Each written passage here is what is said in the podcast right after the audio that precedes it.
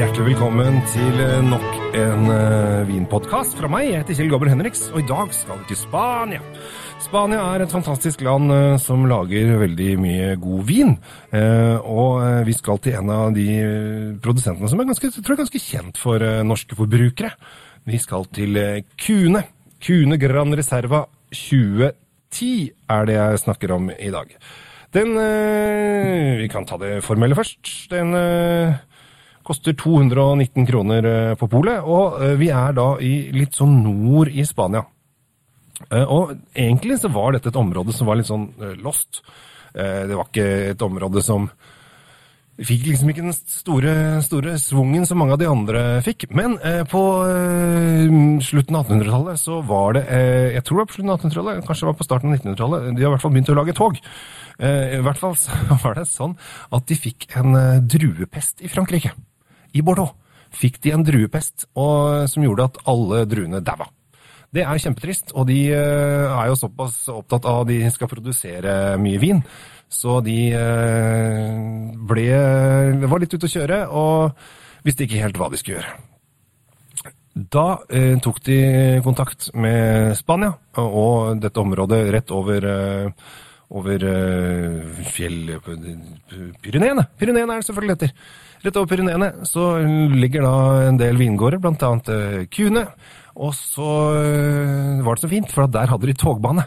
Så de kunne da sende togvogner ned, og fikk da over vin tilbake. Problemet var at disse spanjolene de lagde jo vin. I hvert fall vindruer, men de var ikke så veldig flinke til å produsere vin. Eh, de lagde ofte ferskvin som ikke hadde noe særlig lagringskapasitet. Så franskmennene tok, og, tok et tak, og så lærte de hvordan de skal legge det på tønner, og hvordan de skal greie å få eh, lagringsdyktige viner.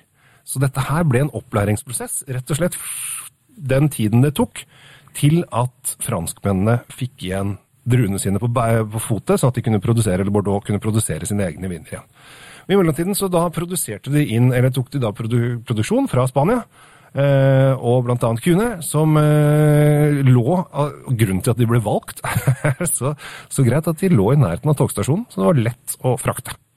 Hadde de ligget lenger unna, så hadde de ikke fått den eh, belæringen. Noe som gjorde at Kune var en av de første som drev med lagringskapasitetsvin i Nord-Spania. Dette er jo kjempegøy. De produserer masse kule viner, blant annet Gran Serva, som er en er en veldig fin rødvin, syns jeg. Um, den har en del mørke bær og, og har vært, ligget litt på fat, som gjør at du har liksom, litt sånn, den milde vaniljesmaken i munnen. Og når du drikker den, så kjenner du altså Den har ganske lang ettersmak. Du kjenner liksom vinen lenge. Og det er en Rioja, selvfølgelig. En typisk spanjolvin.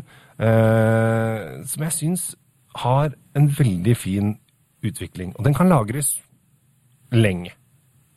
Lenge. Det er ikke noe problem. Om du vil lagre den i ti år, ja ja, kjør på. Og Det er det som er så fint med spanjoler. Mange ganger så kan du gå på polet og plutselig få kjøpt vin fra 1999, som eh, de har bare sendt ut en, en, en, ny, en gammel årgang som de har hatt liggende, som de har lyst til å prøve å selge ut. Og så, så den, koster den samme som den som var fra 2010. altså Det er ikke sånn veldig stor forskjell, kanskje lagt på 50 kroner her eller et eller annet der.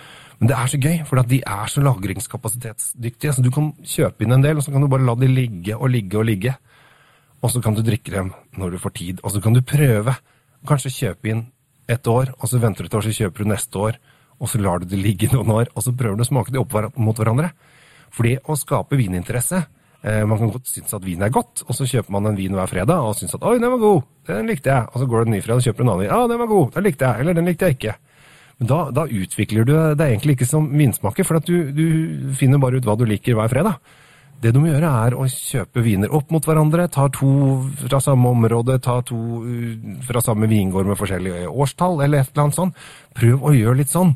Da oppdager du med en gang forskjell på vinene, som gjør at 'jeg liker den fordi'. Og da kan du finne din egen vinsmak. Og husk at det er din vinsmak. Det er ikke min vinsmak. Det er ikke noen andres vinsmak. Det er ikke vinkjenneres vinsmak. Det er din vinsmak. Det er den vinsmaken du har som betyr noe. Så eh, Kune Rioja 2010 Gran Reserva. Ah, det er en fin vin.